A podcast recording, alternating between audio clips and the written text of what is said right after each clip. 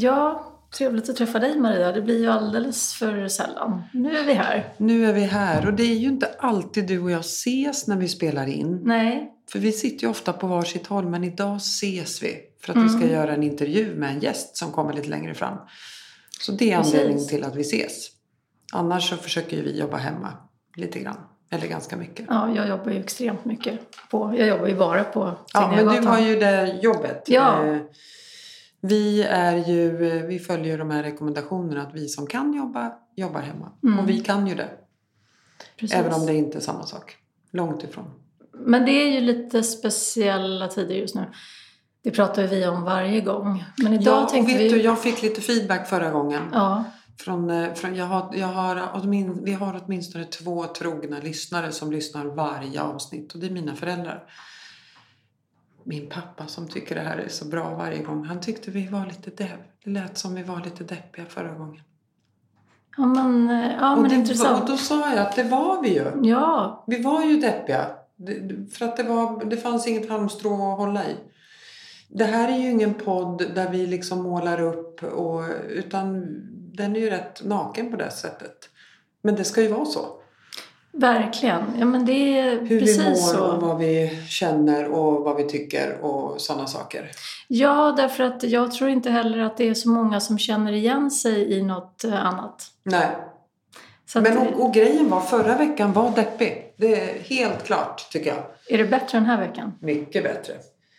Men och då, lite, lite apropå det ju, så um, pratade vi om här nu att vi skulle prata lite om hur vi hanterar Alltså svåra känslor, saker som händer. Det behöver inte vara att man upplever svåra känslor själv men det kan ju vara mycket tung information som man får till Mm. exempel. Så vi sa att vi skulle prata lite om det. Det tycker jag är intressant för det, det jag får ju ganska ofta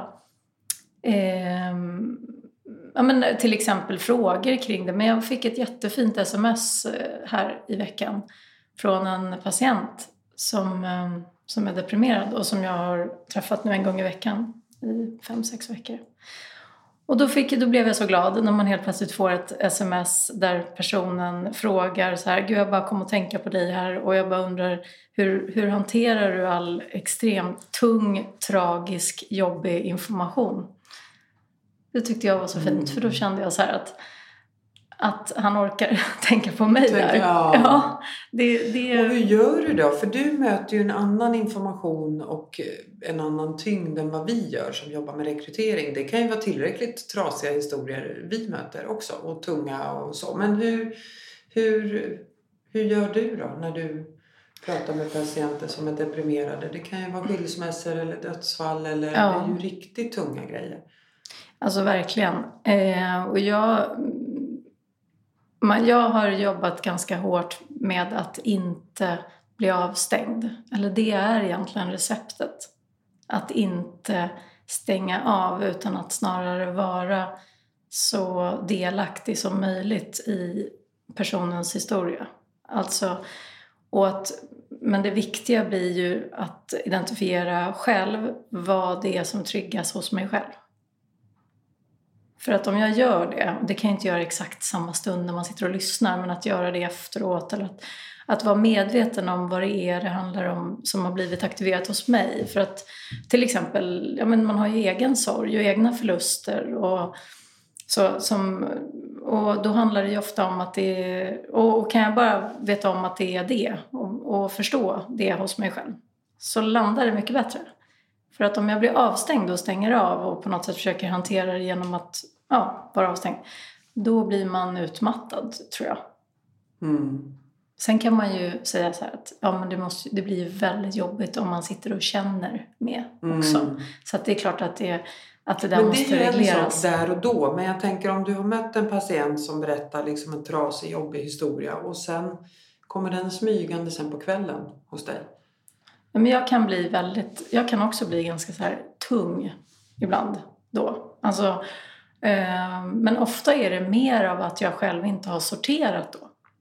Alltså reglerat själv. Alltså så här att, och det är väl det som är problemet, att man inte heller kan vara helt med och känna med hela tiden. För då skulle man inte heller orka. Man måste ju Nej. göra det med olika patienter i olika situationer. Ja, precis. Och också beroende på var de befinner sig i terapin så måste man också vara lyhörd för att kunna gå in med det som krävs där och då. Mm.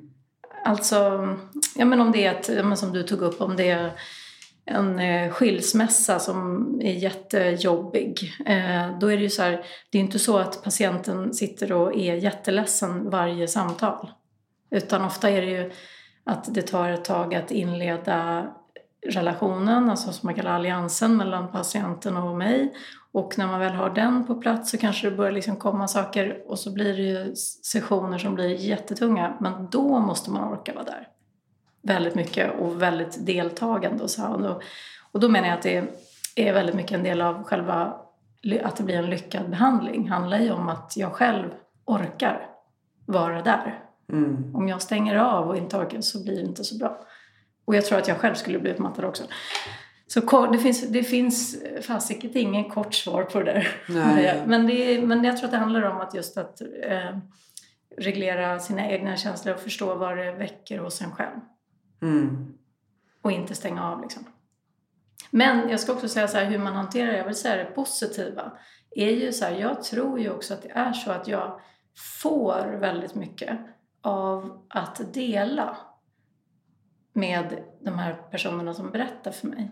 Att jag känner också väldigt mycket samhörighet, att man känner att man inte du känner är ensam. igen dig liksom? Ja, precis. Mm. Och det behöver ju inte handla om att man har samma upplevelser, men Nej. man kan ju ha samma typ av känslor. Och att, att dela eh, ger mig mycket. Mm. Så jag tror att det måste bygga på det också. Annars så kanske man blir väldigt dränerad. Ja. Nej, för jag tänker mer det här...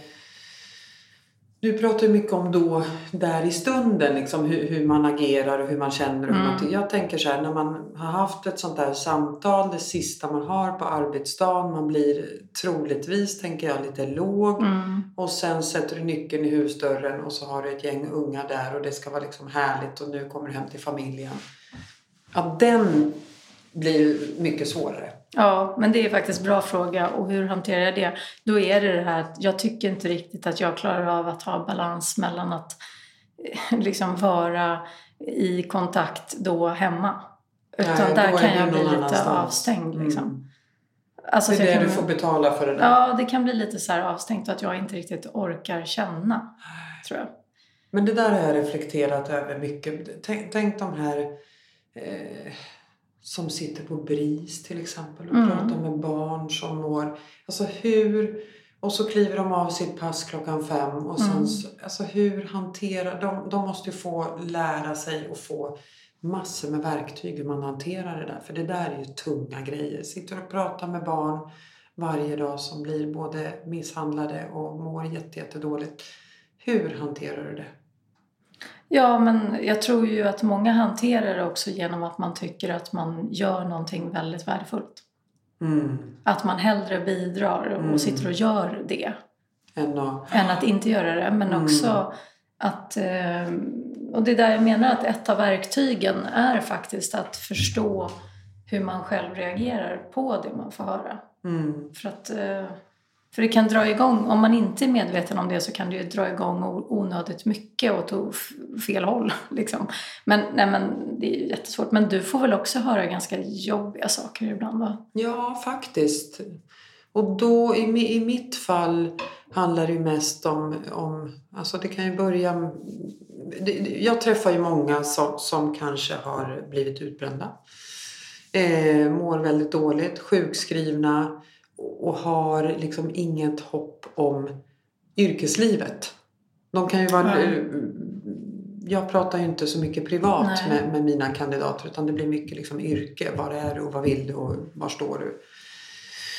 Och då är det ju väldigt många som är... Ja, de har liksom inget hopp.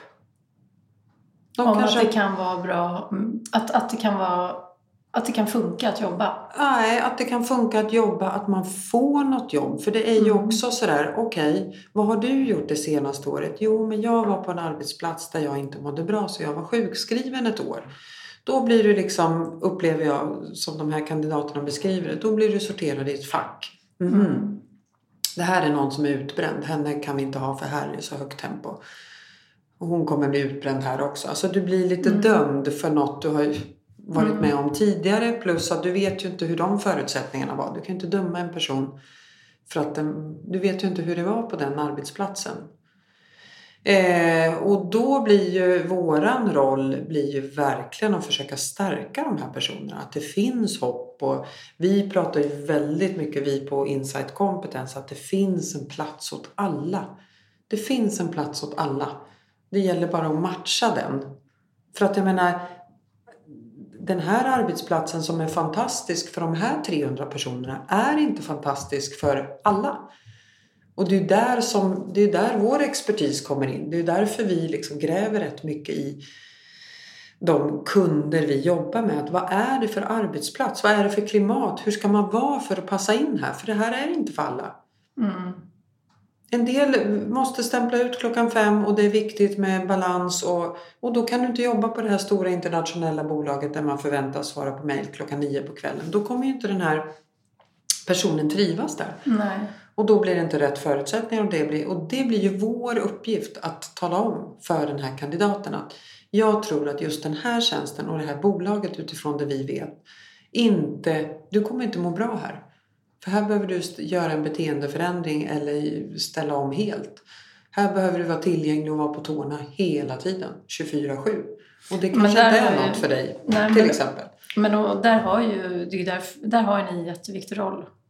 Och jag tycker att det är så bra där med just att eh, jobba som en objektiv part Ja. i det. Mm. Alltså för att jag menar som kandidat om man träffar direkt kunden Mm. då vill man ju ofta sälja in sig. Man hamnar ju i det att det blir svårt du får att vara inte kritisk. reda och- på de här Nej. sakerna. Exakt, men eh, jag tänkte också på eh, det här när du möter de människorna när man har tappat lite hopp och det finns en uppgivenhet kring att få jobb eller att liksom trivas på ett jobb och sådär. Jag, jag tänker på vikten av att man ser liksom yttre faktorer, det är ju det du pratar om.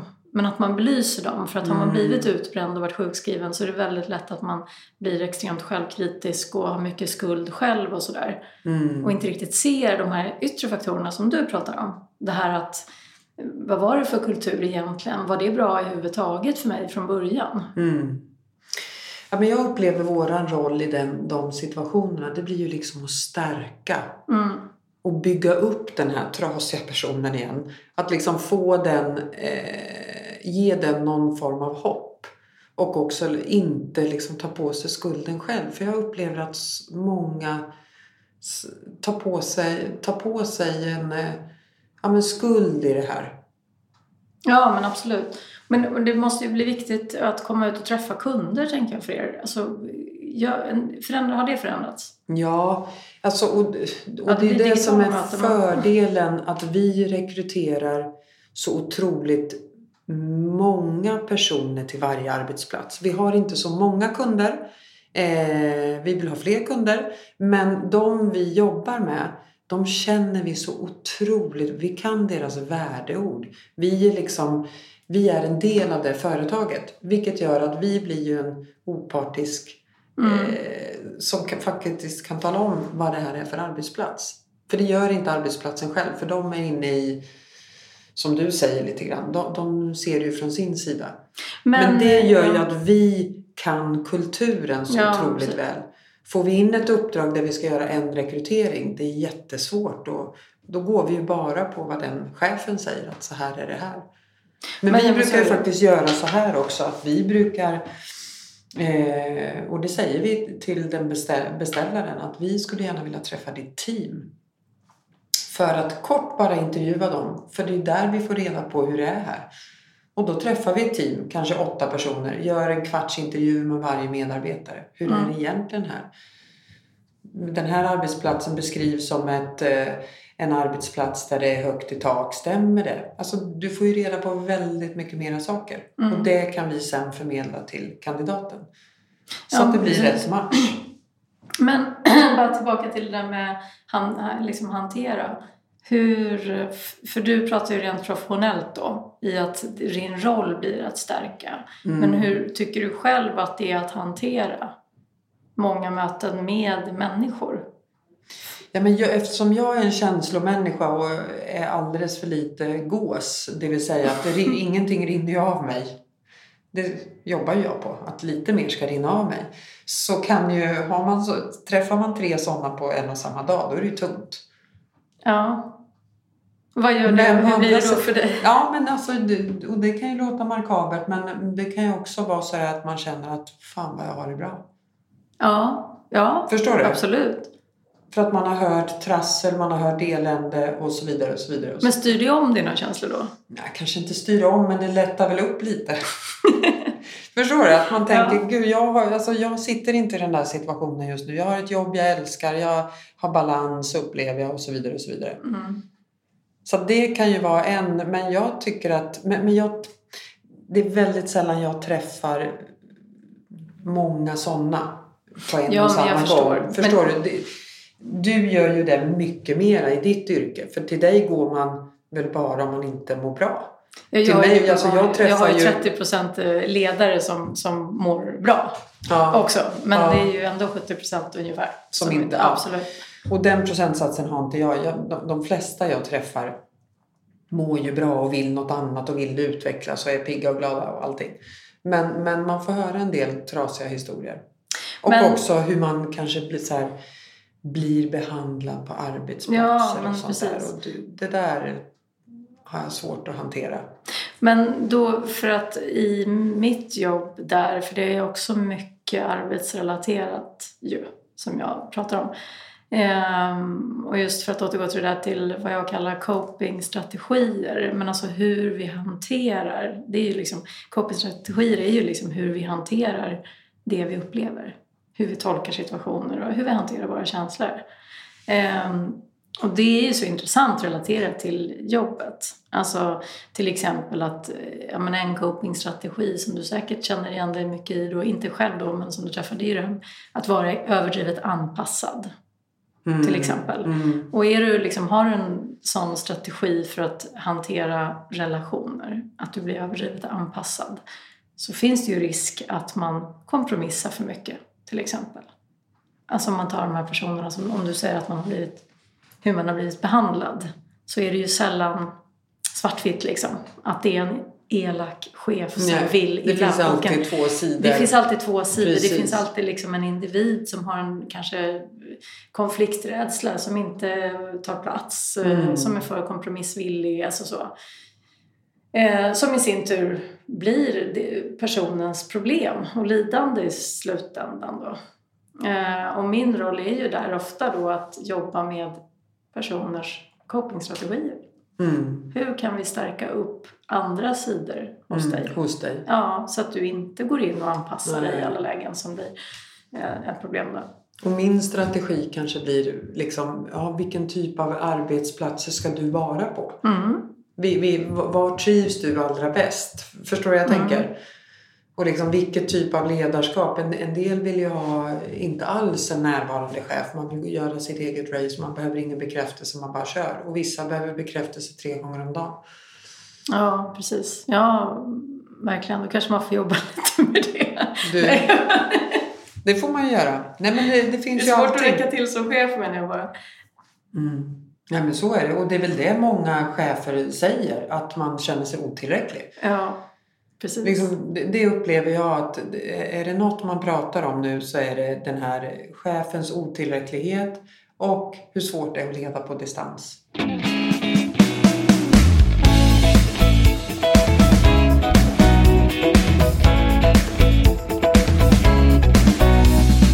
Jag måste säga att jag upplever för egen del en ganska stor otillräcklighet faktiskt just nu. Jag upplever att jag har lite svårt att balansera det här med att, eh, trötthet faktiskt som kommer av ja, många arbetsuppgifter och mycket att göra och det är jag glad för att jag har Men mycket också att göra. tidiga morgnar. Ja, men Andrea. Du går herregud, upp för tidigt. Ja men vad fan ska jag göra? Jag har ju en unge som väcker mig. Men det här är roligt. Alltså, för att jag...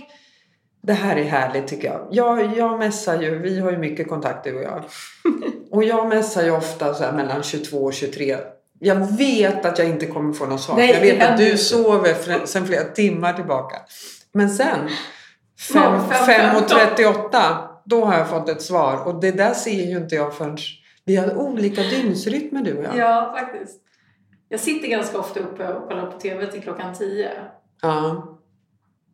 Men, nej, men, du, nej, men det stämmer, jag går ofta och lägger mig halv tio, tio och det är nog ofta där du smsar. Igår, nej men då gick jag och la mig 20.20. Ja, klockan åtta. Ja, men liksom, ja, men alltså det där med otillräcklighet, ja men så är det ju. Men jag tänker också det här... Men den känner jag också. Otillräckligheten, jag tycker den är ja, tung alltså. Och den är ju både privat och på jobb tycker jag. Ja, vad handlar din om just nu? Nej men alltså jag tycker... Jag tycker faktiskt det här med att leda på distans, att det inte är helt enkelt. Vad är det som blir svårt för dig? Ja, men man, man ser inte varandra. Alltså, vi har ju utvecklingssamtal, vi har one-to-one, vi har liksom möten på skärmen och så vidare. och så vidare. Men, men det går väldigt många timmar och ibland dagar utan att man pratar med varandra. Och den... Eh, Vad är det som ja, blir problemet? Liksom? Är det bristande kontroll eller är det det positiva nej. som man inte får? Och det här? För det är många som klagar över det. Jag upplever att vi, nu kan jag bara utgå från vårt bolag och Insight Competence, vi får så oerhört mycket energi av varandra. Ja. Och den lyser liksom inte igenom Nej, men den gör inte det. skärmen. Nu hade vi faktiskt förra veckan, då drog jag ihop, för då så sa jag så här, alla går ut och köper sig en eh, härlig, god, lyxig lunch och sen så kör vi en digital lunch med varandra. Mm. Och så pratar vi inte jobb utan vi bara pratar härligheter och vad vi ska göra i helgen och allt sånt. Eh, och det är ju ett sätt att man eh, så. Eh, sen blir det ju inte riktigt samma sak men, men den där delen är viktig. Energidelen, jag tycker att den är jätte, jätteviktig och den är svår att förmedla hemifrån köksbordet med skärmar och sladdar på och filmjölk och... Och disken och stekpannor. Jag, jag, jag, är så trött på det kan jag säga. Ja. Så trött på det. Och sen är det ju som så. Jag kan ju sköta delvis mitt jobb hemma. Men jag gör inga stora affärer hemifrån köksbordet. Det, det gör jag inte. Eh, och då när jag då åker in till stan ibland. Då känner jag mig lite kriminell nästan. Som att jag begår ett brott. Förstår du? Känns ja. inte bra. Känns inte helt bra. Men gud, men, och jag, jag åker ju in fem dagar i veckan. Och jag har ju märkt att jag har börjat bli lite så passivt aggressiv mot liksom alla som jobbar hemma. I grannskapet och så här. Alla jobbar hemma. Alla. Och alla tycker att det är så bekvämt och tycker att det är så bra. Ja, och jag har ju märkt att jag har liksom fått lite så här jag har blivit lite irriterad på att jag tycker att, nu menar jag inte just dem, men alltså nu menar jag lite mer generellt. Men att man, man använder gärna coronan och att man inte får gå ut när det passar en. Men sen när man liksom men, är uttråkad ja. och tycker att det inte passar, då, då spelar det ingen roll det här är ett helt avsnitt. kan vi gå in lite i Kan det vi prata om vända kappan efter vinden ja. och denna moral som ja, har kommit med detta? Verkligen alltså. Att då passar det inte. Eh, det passar inte att åka till jobbet men däremot så ska vi ha en eh, liten eh, reunion med, ja då funkar det bra. Mm. Hur hanterar vi det? Nej, men det där har jag märkt att jag blir så irriterad och jag tänker att det kanske, varför blir jag irriterad? Ja, men lite kanske också då för att jag själv faktiskt inte har någon bekvämlighet av den här coronan. Alltså jag, jag, menar, jag kan ju tycka att det ändå kan se lite skönt ut att sitta i soffan eller sängen i sex timmar och vila lite. Alltså så här, mm. Men, men det kan, jag kan inte göra det. Liksom. Jag har möten hela dagarna som är... Men de måste vara live? Liksom. Ja, de måste det. Därför att risken är att, att uh, risken är att man missar för mycket av en persons mående. Mm. Om det är digitalt. Jag köper det helt. Och jag, och jag har digitalt om man har träffats tre gånger så att man har koll. Liksom. Mm. Men, ja, jag men köper att, det helt. Ja. Men, men det vi har, det är ju så här, vi ska ju nu behöver ju ställa om vår affär lite grann. Mm. Vi behöver sälja. Vi behöver ja. få in nya kunder. Vi behöver göra vissa saker. Och det kan vi inte göra en och en från våra köksbord. Det funkar Nej. liksom. Det, det, vi kommer inte riktigt igenom. Alltså det blir inget bra för våran affär. Nej.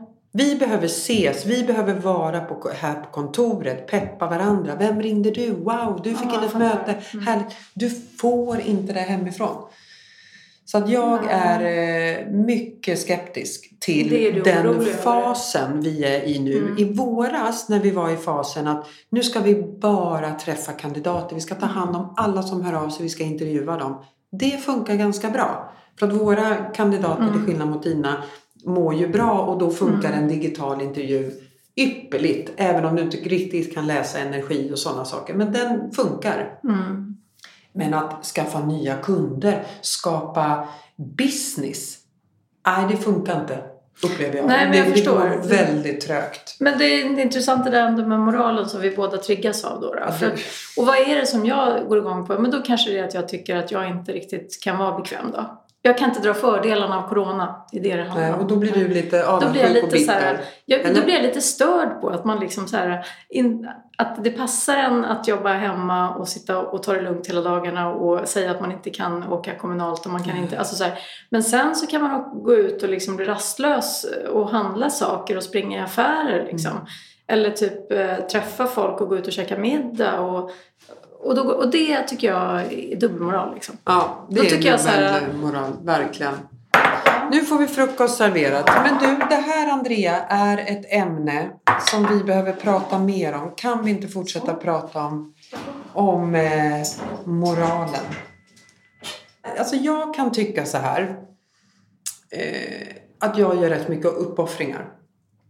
För att eh, ja, bidra till eh, icke smittspridning. Och, eh, så. Ja, jag ja. är ganska så korrekt och gör som de säger. Mm.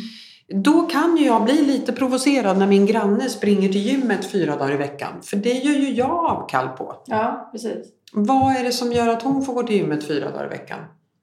Nej men alltså, jag vet. När de säger att man inte ska gå på gym. Nej, men jag vet. Och, där blir, och jag blir ju... Här kommer ett ämne som jag är skitirriterad över. Och det är liksom att så här, jag jobbar varenda... Jag jobbar ju inom vården. Liksom. Så att jag möter patienter och så här. Jag jobbar ju och möter människor hela tiden. Det vill säga, jag tar ganska stora risker för egen del. Mm. Hälsomässigt. Mm. Ja. Men, men jag vill ju åka till, Jag vill ha tillgång till vårt hus i Åre i fem veckor. Ja. Ja, jag vill ju också bli belönad. Jag Ja, vet, Nej, nej men nu, då ska inte jag få göra det. Och så sitter man liksom, och så måste man då... Sen har ju jag problem att följa regler.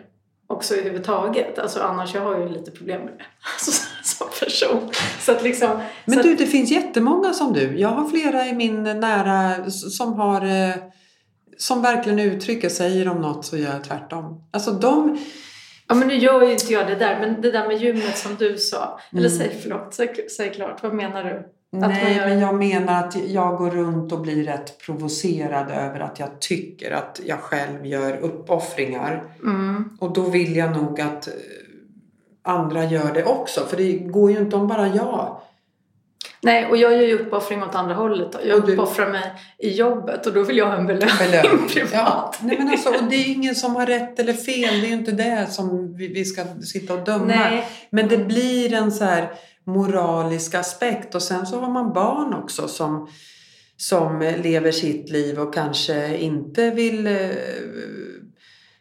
ta hänsyn till alla de här reglerna. Men de måste ju också göra det. De kan inte sätt. springa på fester liksom. Nej, de kan inte springa på fester och de Nej. kan inte... De måste också göra uppoffringar. Verkligen, alla måste göra det. Ja, det här blir nästa avsnitt. Ja, jag känner det, det här är en het potatis. Vi blir lite arg.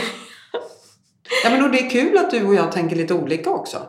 Ja, men gjorde vi det? Ja, det gör du vi. Tycker, för för jag, jag tycker att jag vill åka till Åre för att jag tycker synd om mig själv. Ja, och jag säger så här, men gud, säger de att man inte får, då kan vi inte. Men säger de att man får, då drar vi. Ja, och där är jag mycket mer så här... Nej, det, till att börja med så har jag inte riktigt förmågan att följa regler. Nej. Alltså så här, det, liksom, det betyder inte så mycket för mig. Nej. Utan jag blir så här, ja, någon säger så, jag ser det lite annorlunda. Men ja. Och... ja, det är underbart. Alltså, happy Monday säger vi jag, väl? jag känner mig Va? glad och upplyft av att prata med dig. Och det var skönt att avreagera mig lite. Ja. Ska vi tacka för oss? Du, vi gör det. Och Mm. sen eh, fortsätter vi på ämnet. Det är en het Ja. potatis med moralen i coronatider. Mm. Mycket intressant. Hör av er. Ja, stort tack för att ni lyssnade. Tack. Hej då! Hej!